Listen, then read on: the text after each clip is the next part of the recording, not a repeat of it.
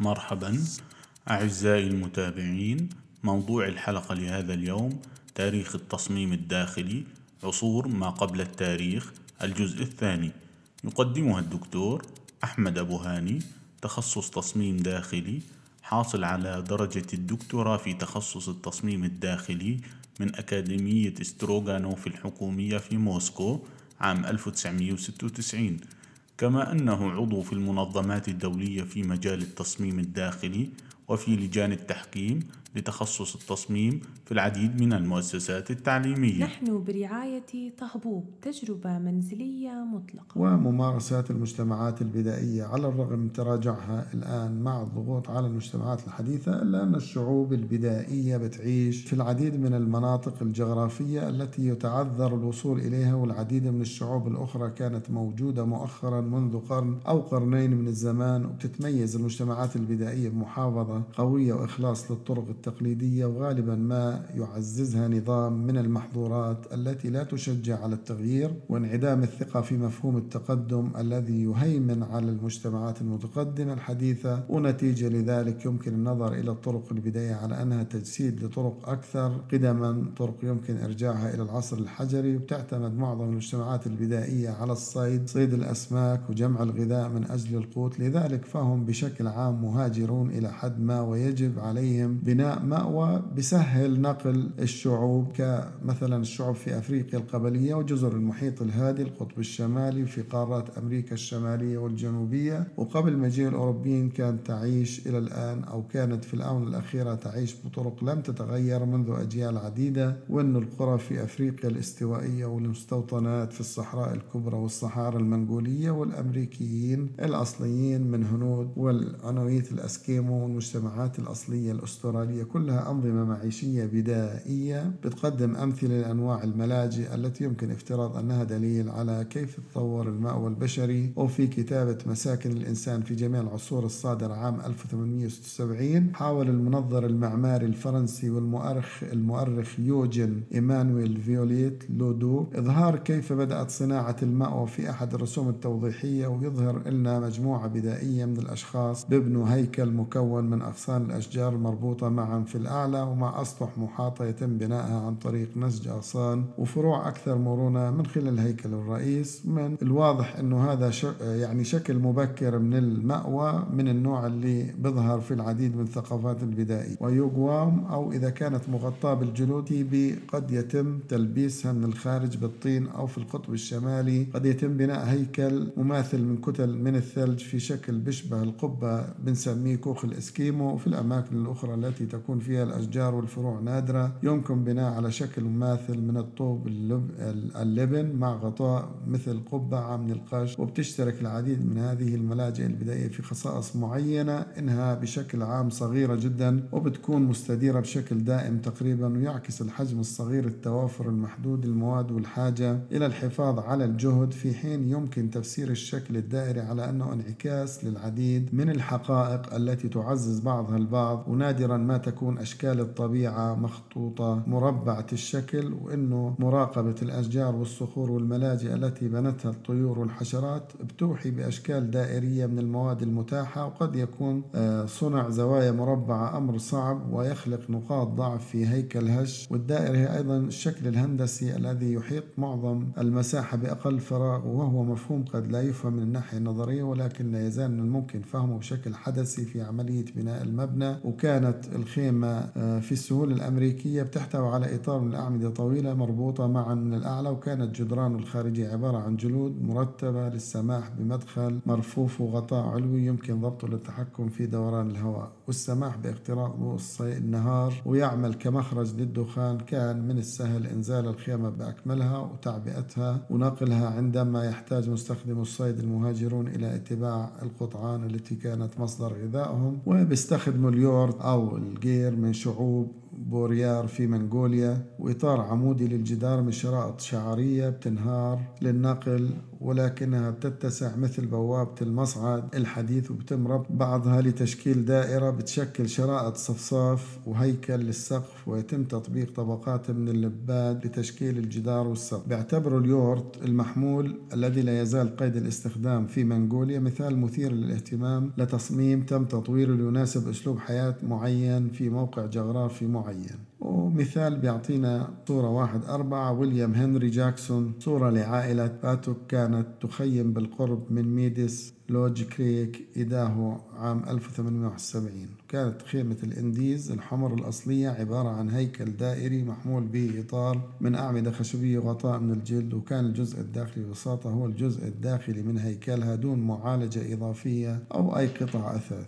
بيت الثلج أو كوخ الأسكيمو لشعب الأنويت في منطقة القطب الشمالي هو بناء دائري مبني من كتل مقطوعة من الثلج وبتم وضع الكتل في دوائر متحدة المركز ذات حجم متناقص لتشكيل قبة ونفق مدخل من كتل الثلج ماء البزاوة لمنع اختراق الرياح السائدة ويتضمن مساحة لإيواء الكلاب داخل المنزل نفسه وبتستخدم الجلود في تبطين الجدران أو إكسائها مما يترك مساحة هوائية بتساعد على عزل الداخل مع منع الحرارة من ذوبان قبة الثلج وبتعمل المنصات المرتفعة على رفع مستوى الأرضية الداخلية وتعمل أيضا كشكل بديل للأثاث وشكل القبة الخارجي مقاوم بشدة للرياح العاتية التي تحدث في الشتاء ولا يمكن استخدام المنزل الثلجي إلا خلال الأشهر الباردة ويتم استبداله بخيمة مثل منزل من الجلود في الصيف أو في بعض المناطق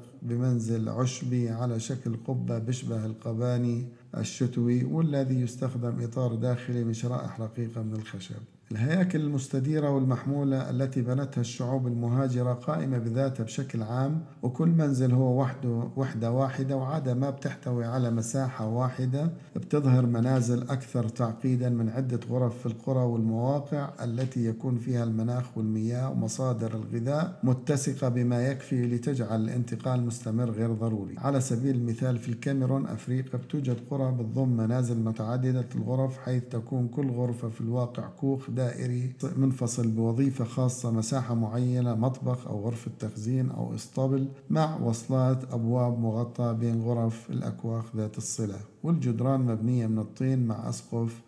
من القش مثل القبعات على الجدران. أنواع المنازل البدائية الأخرى ليست مستديرة ومن المحتمل أنه يكون استخدام المواد الشريطية أو الأعمدة الخشبية أو الفروع هو ما يوحي بجدران مستقيمة وبالتالي يؤدي إلى أشكال مربعة مستطيلة إلى حد ما. كما هو معروف في بوليا في جنوب إيطاليا تم بناء نوع منزل قديم لا يزال على قيد الاستخدام من أحجار الحقول الجافة لتشكيل غرفة مربعة تقريبا تعلوها مستديرة مبنية عن طريق وضع حلقات من الحجر في دوائر متناقصة تدريجيا حتى يتمكن حجر واحد من تغطية أعلى الفتحة. نجد أيضا أنه تم بناء منازل ترولي هذه منذ ألاف السنين في المنطقة. واليورت عبارة عن هيكل محمول بجدار مغلق من شرائط شبكية بتدعم هيكل سقف من الأعمدة والجزء الخارجي مغطى بالجلود أو الحصير في الداخل وصناديق لحفظ الممتلكات والبسط والمقاعد لخلق مساحات ذات طابع جمالي كبير. تخطيط والارتفاع المقطعي لمنزل ماتاكام أو قرية قبلية في الكاميرون بأفريقيا بيخلق الشكل الدائري للكوخ الطيني أو الحجري غرفة وبتم تجميع العديد من الهياكل المماثلة معا لإنشاء مجمع منزل تحتوي التصميمات الداخلية البسيطة على حاويات تخزين ومنصات نوم على الأرضيات الترابية. يتم تحديد الأنواع الأخرى من أشكال المنازل البدائية جزئيا من خلال الحقائق البيئية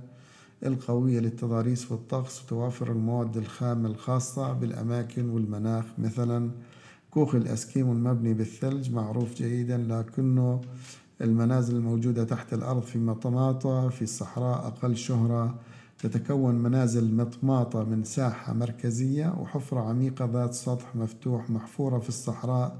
تتيح الوصول إلى الغرف المحيطة التي تقع بالكامل تحت الأرض ونفق مدخل الطوب المائل يتيح الوصول إلى الداخل وهذا المخطط تحت الأرض لا يتطلب أي مواد إضافية ويوفر عزل ضد حرارة الصحراء نهارا والبرودة الشديدة في الليل. ويستقبل الفناء المركزي المفتوح على السماء الضوء ولكنه عميق بدرجة كافية من 30 إلى 40 قدم لكسر زاوية الشمس تاركا قاع الفناء مضللا وباردا دائما.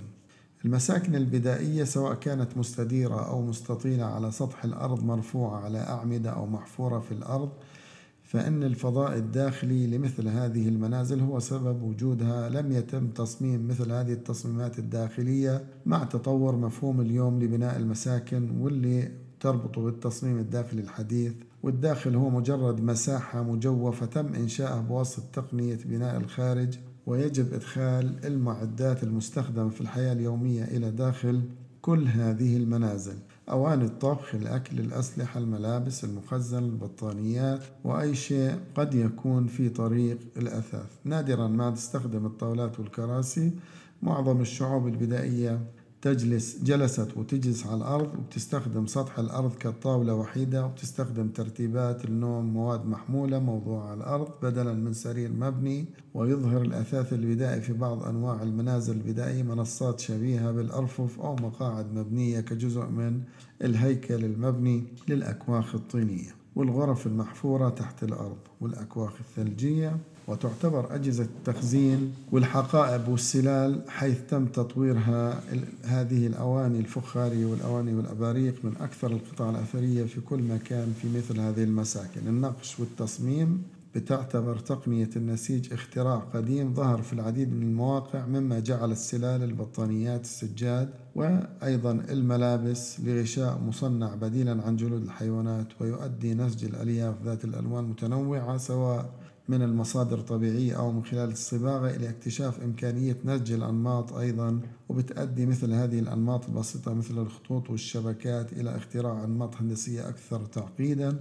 تظهر في السلال والفخار والبطانيات المنسوجة والسجاد حيث أن دافع الإنسان لإدخال النمط المصمم بتناقض بشكل واضح مع خلايا النحل والأعشاش التي تصنعها كائنات أخرى حيث يظهر النمط كما في شبكات العناكب.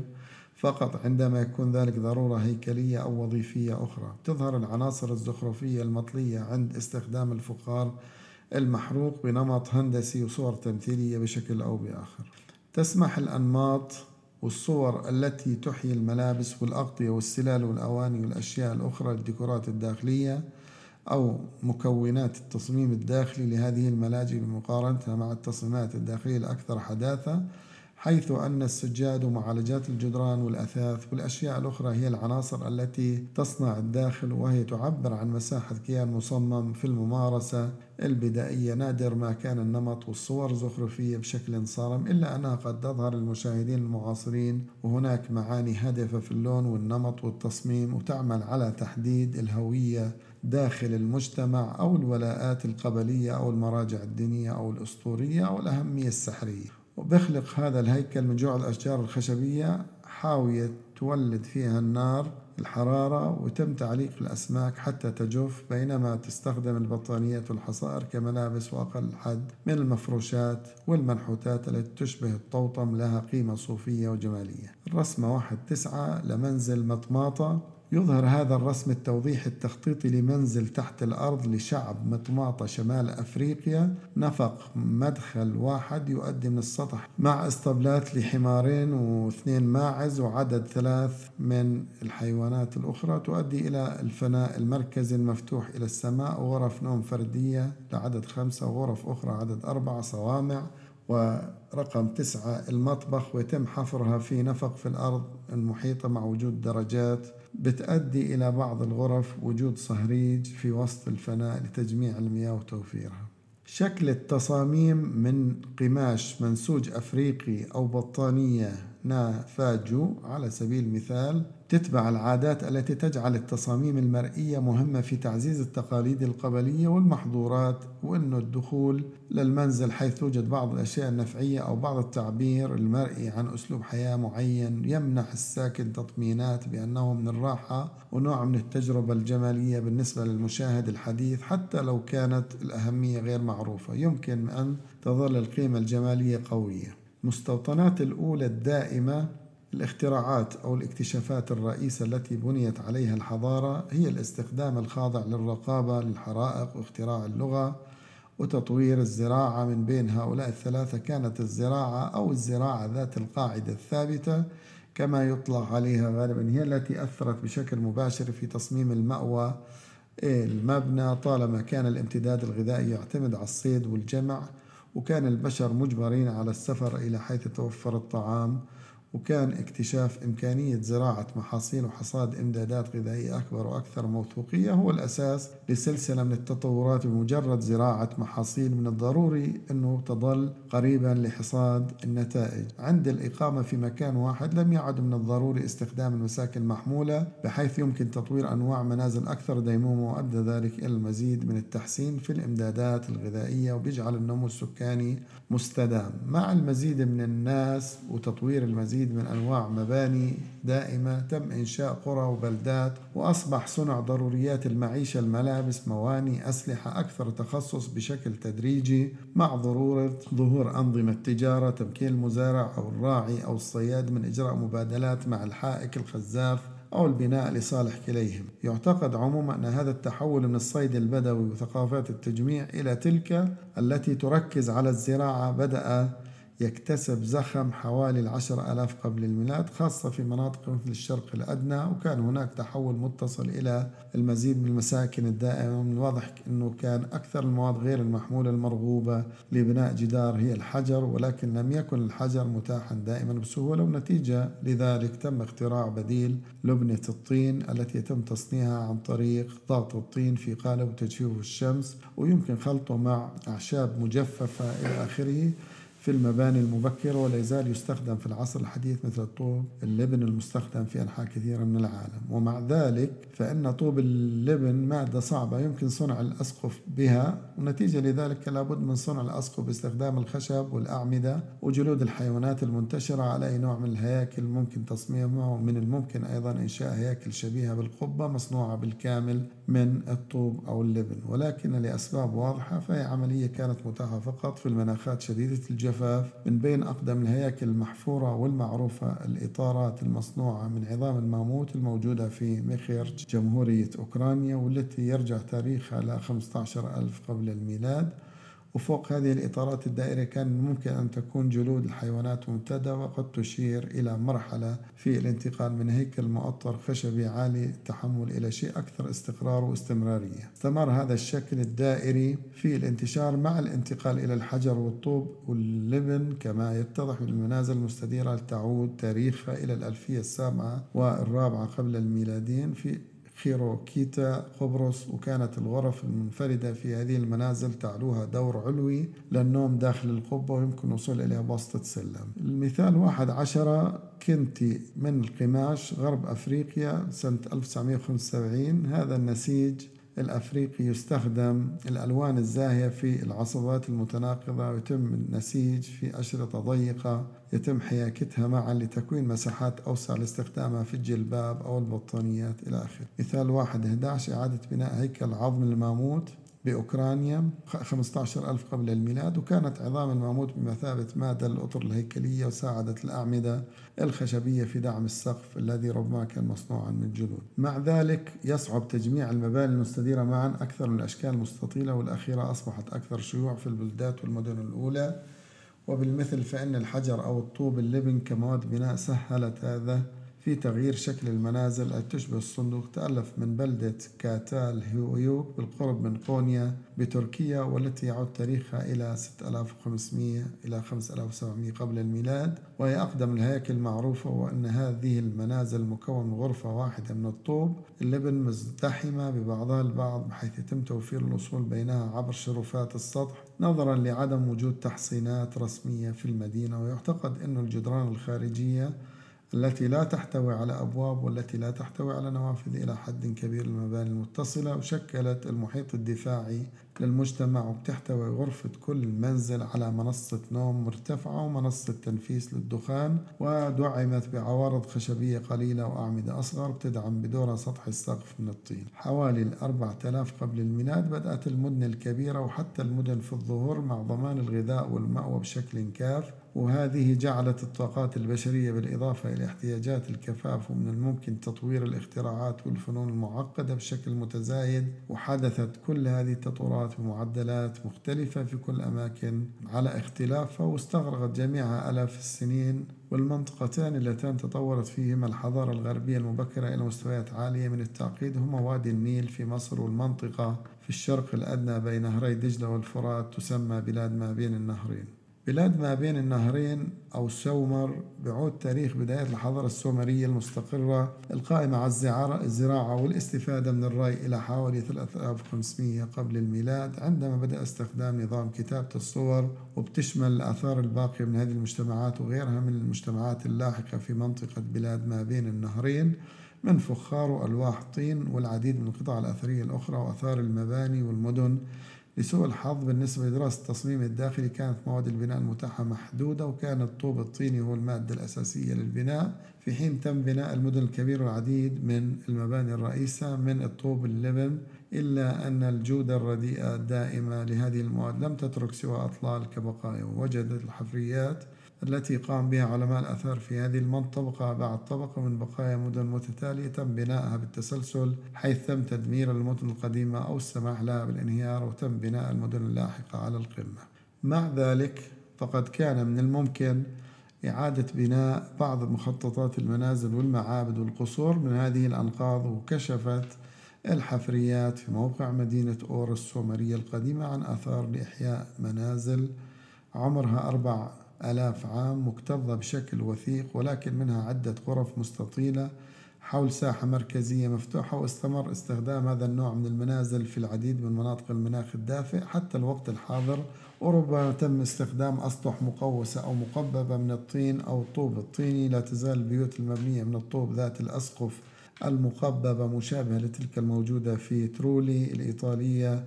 الموصوفة سابقا ومستخدمة في مناطق من العراق وسوريا مما يشير إلى أن شكل المنزل هذا قد يكون أيضا من أصل قديم جدا. المعبد القديم الذي ينظر إلى بنائه على أنه منزل الآلهة يميل إلى أن يكون نسخة مكبرة مفصلة من نوع المنزل المحلي المعبد الأبيض في أورك ما يسمى بسبب من الآثار التي تشير إلى أنه جدرانه كانت بيضاء وتم بناؤه قبل 3000 قبل الميلاد وهو عبارة عن كتلة مستطيلة الشكل بها عدد من الغرف بتحيط بمساحة مركزية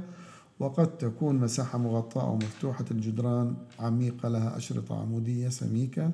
للمساعدة في تقوية الطوب الطيني الضعيف بطبيعته حتى البناء الأقدم في أوروك يتضمن شظايا من الجدران التي ظهرت على السطح مع ترصيع مزخرف بشكل متقن لمخاريط صغيرة من الطين مطلية باللون الأسود والأبيض والأحمر تشير إلى التصاميم التي تشبه الفسيفساء إلى الأشكال المتعرجة والماسية لأنماط المنسوجات المصممة. المشهد واحد 12 مناظر إعادة إعمار المباني غرفة الضريح في كاتال هويوك بالقرب من قونيا تركيا قلنا من 6500 إلى 5700 قبل الميلاد. تم الوصول لجميع المباني في كاتال هوك من أسطح المنازل إنها بتشكل تجمع مستمر بتشكل جدران الخارجية تحصين فعلي للمحيط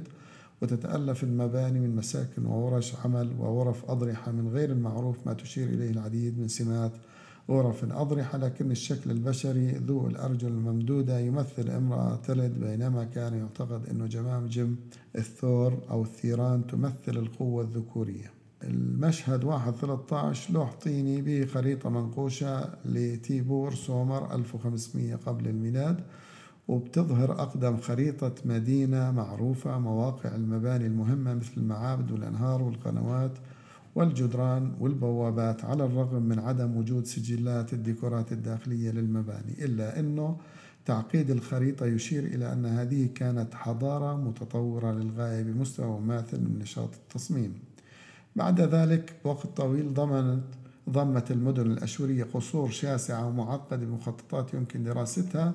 أثناء بقائها على قيد الحياة في بقايا حفريات. يعتقد أن الغرف الكبيرة في قصر سرجون في خور ساباد حوالي 720 قبل الميلاد تحتوي على أسقف مقببة وربما تستخدم نصف قباب. وتم استخدام البلاط المزجج بألوان غنية كمواد سطحية. وهناك أمثلة كافية لهذه الزخارف على قيد الحياة. لإعطاء بعض الأساس لإعادة البناء المتخيلة. يعطي رسم ترميم محتمل واحد 14 من كتاب فيوليت ليدوك المذكور أعلاه. فكرة عن روعة التصميم الداخلي في مثل هذا القصر الأشوري أمريكا ما قبل كولومبوس. قبل وصول كولومبوس إلى القارة الأمريكية عام 1492 كان هناك عدد من المجتمعات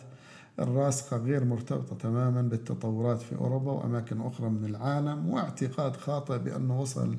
إلى ساحل الهند حدد كولومبوس سكان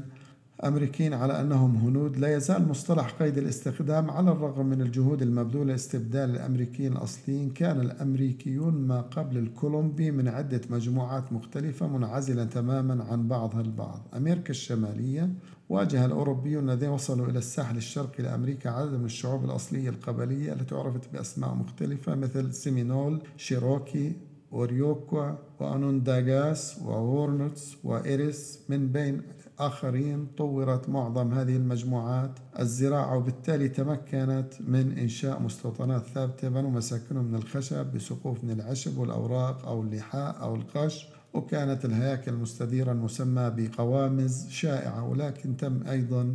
بناء هياكل مستطيلة تسمى المنازل الطويلة وكانت المساحات الداخلية عبارة عن مساحات بسيطة استلزمتها المواد وتقنيات البناء المتاحة وكان البديل الوحيد في العناصر الهيكلية الصارمة هو السجاد المنسوج والبطانيات المصنوعة بالأصباغ الطبيعية التي أدخلت الألوان إلى الديكورات الداخلية. ومع ذلك عاشت قبائل السهول الوسطى عن طريق الصيد ولذلك تطلبت هياكل سكنية محمولة مثل عربات التيبي التي تمت مناقشتها على حتى يتمكنوا من متابعة قطعان الحيوانات التي كانت مصدر غذائهم الرئيسي. فيما يعرف الآن بالمنطقة الجنوبية الغربية من الولايات المتحدة تم إنشاء مدن رائعة تحتوي على ما يصل إلى 200 غرفة في رفوف على حواف الجوف أو الجروف انتقل أناسازي من هذه المواقع حوالي عام 1300 ميلادي ولم يتبقى سوى أطلال رائعة مثل تلك الموجودة في ميسا فيردي. كولورادو وتبنت قبائل هوبي وتواس وزوني الزراعة مما جعل من الممكن بناء المزيد من الهياكل الدائمة. لتشكيل القرى المكونة من الهياكل المستطيلة المعروفة باسم بويبلوس تم بناء الجدران من الطوب واللبن بينما كان السقف مصنوع من أعمدة خشبية تدعم الأعضاء الخشبية الأصغر وبنى النافوس نافجوس هياكل مستديرة بجدران حجرية تدعم سقفا يشبه الخيمة. قدمت آه، أيضا صناعة السلال والفخار والمواد المنسوجة بعض الألوان والتنوع داخل المساكن التي تعمل بصرامة وكانت ثقافة الإليوت أو الأونيت في منطقة القطب الشمالي في ألاسكا هما بنات البيوت الثلجية المستديرة أو الأكواخ الثلجية التي تمت مناقشتها أعلاه قدم هذه المادة الدكتور أحمد بوهاني. تابعونا كل سبت الساعة الرابعة بتوقيت القدس على كافة المنصات السمعية. كان معكم محمد الرنتيسي من بودكاست الكرياتيف سنتر.